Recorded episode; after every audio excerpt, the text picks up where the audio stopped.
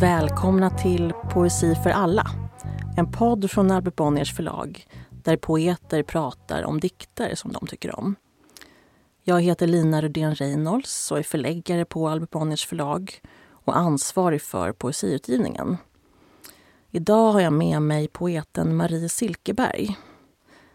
Marie Silkeberg är född 1961 och debuterade som poet med Komma och gå 1990. Sedan dess har hon givit ut nästan tio böcker och fick Sveriges Radios lyrikpris 2004 för diktboken Sockenplan, säger hon. Silkeberg har även skrivit essäer och dramatik och är verksam som översättare. Till exempel har hon översatt Inge Kristensen, Marguerite Duras, Pia Taftrup, Susan Howe, Claudia Rankin, Alice Notley och Rosemary Waldrop. Hon har även varit professor i litterär gestaltning vid Valand i Göteborg. Våren 2021 kommer hon ut med boken Sisyfos. Men Marie Silkebergs senast utkomna bok är den nästa 400 sidor långa Atlantis från 2017. Det är en berättande långdikt där ett du rör sig genom depressionens landskap, terrordådens städer, flyktingars redan tömda platser till andra kontinenter, städer och tillstånd. I Expressen recenserades den så här. Summan bildar ett slags mönster, framställer en bild av migrationen som en förtvivlad, total sammanhangslöshet, ett ofrånkomligt kringflackande. Och så ger Silkeberg poetisk form åt någonting som till sitt väsen är förtvivlande formlöst. Ett genomförande som är inget mindre än storartat. Hej Marie! Hej Lina! Tack för att du vill vara med i Poesi för alla. Tack själv. Vilken dikt eh, har du valt att prata om idag? Jag har valt en dikt ur Göran Sonnevis Klangernas bok från 1998. Just det. Och Göran Sonnevi, han är ju ett väldigt stort namn inom svensk poesi. Han är född 39 och debuterade 61 med diktsamlingen Outfört. Och sedan dess har han givit ut över 20 böcker. Och genom hela författarskapet så finns det stora teman som känns igen. Han engagerar sig tydligt i samhällsfrågor i sin poesi mot kapitalism och imperialism medan han även registrerar sitt privata liv som det är, även det en del av världen. I sina senare böcker har han skrivit stora episka diktsviter. Och Sonnevi är mångfaldigt prisbelönt. Till exempel fick han Nordiska rådets litteraturpris 2006 för boken Oceanen Förra året fyllde han 80 år och då kom hans senaste bok ut, Det osynliga motstyckets bok. I en recension i Svenska Dagbladet stod det då att Göran Sonnevis poetiska vitalitet är obruten. Att det är poesi som andas storpolitik och krigföring, apokalyptisk svårmod och dov förtvivlan, men också svindlande ömhet. Ska vi börja med att du läser dikten, Marie? När slutet plötsligt kom, trots all förväntan, var det vi kände förvåning. Att det var just nu, just så här. Att det bara upphörde mitt inne i en fras, mitt i ett danssteg. Det som kommer är alltid något annat. Vi som upplevde detta finns inte mera. Där ett annat universum tar vid finns ingen gräns. Det sker helt omärkligt. Jag ser de psykotiska profetiorna, handelsvaror i en universell ekonomi, allt mer globaliserad. De förbrukade språkens skärvor förs åt sidan som skräp. Redan är de nästan oigenkännliga. De nya varelserna ser de inte i den oändliga ljusöknen. Tusen tack för det. Vilken fin läsning. Eh, du är mycket inläst på Göran Sonnevis författarskap. Du gjorde urvalet till en samlingsutgåva med hans dikter, mm. eller hur? Ja. ja. Och varför har du valt just den här dikten? Nej, men den, ehm, jag bestämde mig när jag fick frågan omedelbart för den här diktsamlingen. Och sen eh, läste jag tills jag valde den här. Och det kanske... Jag eh, intuitivt. Så har jag försökt förstå själv varför jag valde den. Men eh, jag tror att den är ett snitt på ett sätt som är väldigt eh, speciellt. Den handlar ju om ett slut, helt enkelt. Precis. Jag tänker att om man mm, läser de första raderna när slutet plötsligt kom, trots all förväntan, var det vi kände förvåning. Ehm, så här är vi alltså redan i ett slut. Något har redan skett, men vi är uppenbarligen kvar. Dikten är kvar. Vi, vi är kvar mm. fortfarande. Um, vad, vad, tänker du att det är för typ av slut som det, som det handlar om här? Men det är som nästan alla ord hos Sonnevi så är det ju väldigt öppet vad slutet är. Mm. Jag tänker väldigt mycket på att den här diktsamlingen är skriven 1998 precis innan millennieskiftet. Mm. Och att det äh, är en slags äh, sammanfattning över 1900-talet i en väldigt kondenserad form. Mm. För hela den här boken börjar ju med en scen där diktjaget är på väg mot Wannsee i Tyskland och hör en samling unga män sjunga nynazistisk sång. Just det. Och det är som att den klangen går genom hela den här boken eller försöker vara ett motstycke mot den klangen. Så att eh, man kan väl säga att ett slut är mycket, men det är ett slut på en tillvaro. Men det är såklart också, för också resten av diktsamlingen handlar ju också om hans mors död. Ja, det är så. Så det är de eh, liksom dubbla linjerna kan man säga. Ja. Um, och det är ju ganska mycket så som Göran Sonnevi i allmänhet arbetar. Liksom att det finns något väldigt, liksom en samhällelig situation som är ganska tydlig i, i hans poesi ofta. Men också liksom en, ett existentiellt plan. Så han rör mm. sig mellan de här olika. Skulle du säga att det, att det stämmer? Ja, det stämmer. Mm. Mm, man kan säga mycket om det. Att det man, man kan också säga att han på något sätt är den poet som verkligen har tagit på sig att skriva vår samtid oavbrutet, kontinuerligt. Precis. Så jag tänkte att du sa tidigare att den här dikten känns som ett, som ett bra snitt. Liksom. Och jag tror ganska många skulle säga att Göran Sonnevi på något sätt har skrivit liksom samma bok, men i olika tider sedan han debuterade nästan. Men det håller jag inte med om. Nej, jag tycker att det förändras. Ja. Jag tycker att för mig när den här boken kom, och det upplevde jag nu igen när jag läste om den, att jag tycker att någonting händer i Göran Sonnevis författarskap med den här boken. Det är som att det uppstår en ny klang. Mm. Som eh, öppnar för det som kommer senare. Och att den, men här, i dess mest kondenserade form, är den extremt stark. Mm. Och jag tycker att det har att göra med att det är till exempel sonetter. För sonettformen går ju igenom hela boken. Som det är hans andra bok där han gör det. Precis. Jag tänkte, ska vi säga någonting mer om själva sonettformen och vad en sonett är för någonting mm. och, vad det, och vad det gör med, eh, med, med dikten.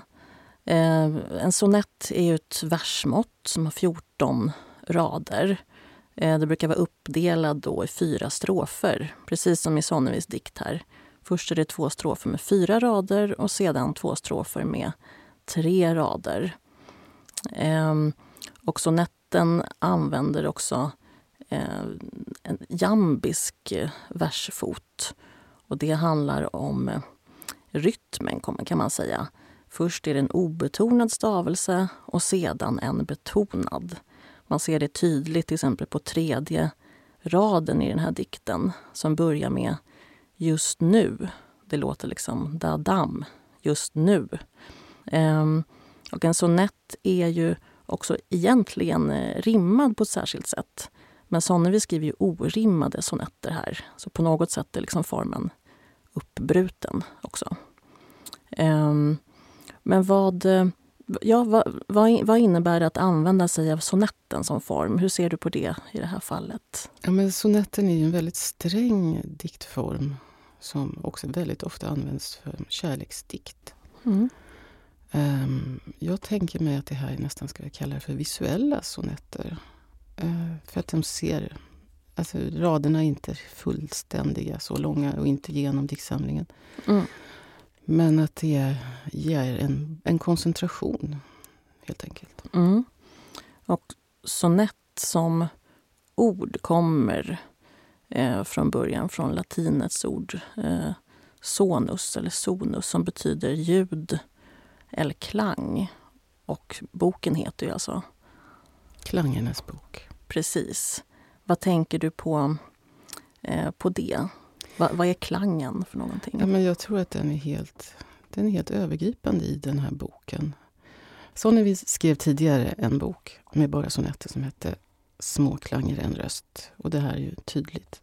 Jag griper an, tillbaka på den boken. Mm. Eh, och det, men att den här då heter Klangernas bok som den största delen av den här boken har samma titel, Små klanger en röst. Men det är ändå som att klangerna är större än rösten i den här boken. Och det tycker jag är det som är så stort med den här boken. Att, eh, att det är som att han fångar in klanger från väldigt många delar av existensen. Mm. Och eh, håller dem där med sonettformen, där jaget bara en del i sonetten. Ja, just det. Uh, när vi talade lite tidigare om den här dikten så sa du också ungefär att uh, det här är ett sätt att liksom göra musik av någonting för att hålla det i rörelse. Ja. För det finns ju också hos Sonnevi. Därför är det nästan omöjligt att bara välja en dikt. För att allt är liksom i oavbruten rörelse. Och det finns liksom dialektiska rörelser, motrörelser som kommer ur diktens energi hela tiden. Men det musikaliska som han också med i sina senare böcker liksom går ännu djupare i. Det, ibland är det som att bara läsa ren musik. Mm. Ja, men det är, det är fint uttryckt. Om vi liksom går tillbaka till den här enskilda dikten. Mm. Eh, vi har redan sagt att det är alltså ett slut som har kommit. Men viet är, är fortfarande kvar, uppenbarligen. Och sen står det om att det som kommer är alltid någonting annat. Vi som upplevde detta finns inte mera. Och de sista eh, raderna eh, handlar också om de här de förbrukade språkens skärvor förs åt sidan som skräp. Redan är de nästan oigenkännliga.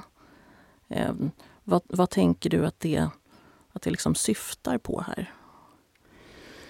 Ehm, jag tänker först att det viet som finns här, det, är, det finns något otroligt avväpnande i Sonnevis tilltal i sina dikter som nästan inte går att förklara hur det uppstår. Mm. Som gör att man nästan omedelbart är med i dikten. Det var det vi kände förvåning. Um, det Eh, gör att man som läsare är så med i händelsen, i diktens händelse. Mm. Uh, att det här är liksom... känns som att den nästan skriver sig vid slutets punkt, eller liksom avgrundens punkt, kunde man säga. Där man står utan att egentligen konsekvenserna har visat sig. Mm. Yeah. Uh, och sen... Det finns väl en kamp mellan ska vi säga, förtvivlan eller apokalyps och hopp i hela diktsamlingen. Mm. Men också i den här dikten. Mm. Och där... Eh, det här vi som upplevde detta finns inte mera i en väldigt märklig rad. För att det är som att, att man redan är död. Precis. Uppenbarligen så, så finns viet här. Ja. Men, men, men redan så är det över på något ja. sätt. Ja. Så mm. det uppfattar jag som någonting liksom oerhört uh, sorgligt eller fruktansvärt, kanske man till och med kan säga. Ja, men om man tänker sig också att det som i alla fall i den här boken, att det finns någon slags kontinuerlig födelse oavbrutet. Ja. Så finns det också ibland smärtsam födelse. Så är det att att, att ha upplevt något den som upplevde ett slut finns inte mera. Man är tvungen att vara någonting annat. Mm. Mm. Och det, sen kan man ju läsa raderna där ett annat universum tar vid. finns ingen gräns. Det sker helt omärkligt. Att ett annat universum tar vid är ju faktiskt också förtröstansfullt. Mm. Absolut, absolut. Och att det liksom möter upp nästan. Det sker helt omärkligt. Just det. Sen kommer ju den här eh, alltså väldigt mörka bilden som man kan väl säga gäller även för, idag. De psykotiska profetiorna har vi många av. Om de är psykotiska, eller, det kan man ju undra över. Men att den universella ekonomin och handelsvarorna och den globaliserade ekonomin, vi lever i det. Eh, sen de förbrukade språkens skärvor förs åt sidan som skräp. Det uppfattar jag, och det kan vara en av anledningarna till att jag valde den här dikten, var att det finns, tycker jag, man kan uppleva som människa, men också som skrivande människa, att allt man kan säga om världen, alla ens ord för att liksom, uttrycka världen, är förbrukad. Just. Att det, är liksom, man har, det täcker inte upplevelsen av den värld man befinner sig i. Just det. Antingen för att man själv känner så eller för att man inte delar det med andra språket längre. Mm. För att det här förs de ju, i dikten förs de åt sidan som skräp. Mm. Och, och sen kommer det här med de nya varelserna som ser dem inte. Alltså det som tidigare har varit går inte ens att liksom mm. titta på eller mm. erkänna mm. nästan. På något mm. sätt har det redan eh, försvunnit. Ja. Och det är väl det förfärliga i den här dikten. Eller liksom att eh, talet om, alltså som också Sonnevi både gör och eh, talar om, alltså det här liksom den kontinuerliga föra vidare tradition, eh, alltså minnas de döda, eh, eh, föra vidare till de ännu inte födda och så vidare att det här snittet som den här dikten tecknar är väldigt skrämmande. Just det. Um, jag har också tänkt på det sista ordet. Ehm, det står ju på slutet, de nya varelserna ser de inte i den oändliga ljusöknen. Uh, och ljusöken är ju inte ett begrepp som, um, som vi i vanliga fall förhåller oss till. Och i mm. övriga dikten så används ju ja, det används inga okända ord, inga nyord eller så. Utan ljusöken kommer in här som sista ord och, och står ju därför ut väldigt, väldigt mycket. Um, vad, vad, vad, tänker du om det? Vad kan det vara för någonting? jag tänker att, att det är ju ett förfärligt ord för att uh ljus, alltså det finns ett vitt ljus hos Sonnevi som är nästan förstörelsens ljus. Ehm, jag tänker, alltså när man tittar på ordet och tänker på raden så kan man också känna att det är liksom ett vad säger, lysrörsbelyst kontorslandskap eller, eller eh, fabrikslokaler i, alltså i ljusrör eh, som utplånar alla skuggor. Just det, så ljuset här eh, kan man inte säga står liksom i motsättning till ett negativt mörker utan ljuset i sig är någonting eh, eh, som nästan skapar rädsla. Ja, det är ytterst negativt, absolut. Mm, mm. Det ljuset. Just det.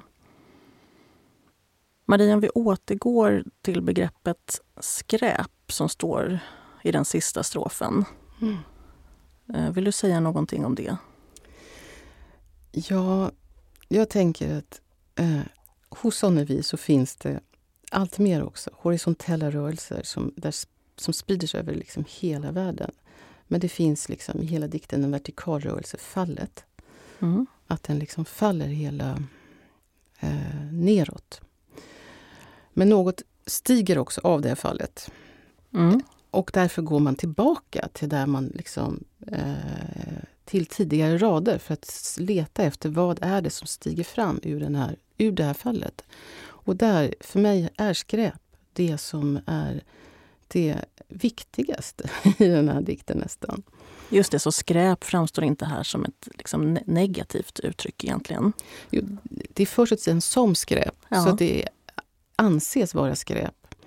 Men skärvorna och skräpet är liksom något som innehåller någonting som är väsentligt. Ja, som vi bör titta på. Ja. Just det. Marie Silkeberg, tack så mycket för att du var med i Poesi för alla och talade om den här dikten av Göran Sonnevi. Eh, den finns i Klangernas bok. Eh, tack för att ni har lyssnat.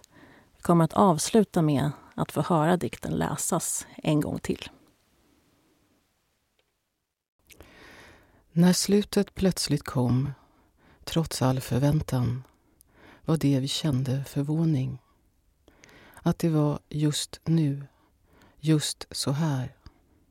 Att det bara upphörde mitt inne i en fras, mitt i ett danssteg. Det som kommer är alltid något annat. Vi som upplevde detta finns inte mera. Där ett annat universum tar vid finns ingen gräns. Det sker helt omärkligt. Jag ser de psykotiska profetiorna, handelsvaror i en universell ekonomi, allt mer globaliserad. De förbrukade språkens skärvor förs åt sidan, som skräp. Redan är de nästan oigenkännliga. De nya varelserna ser de inte i den oändliga ljusöknen.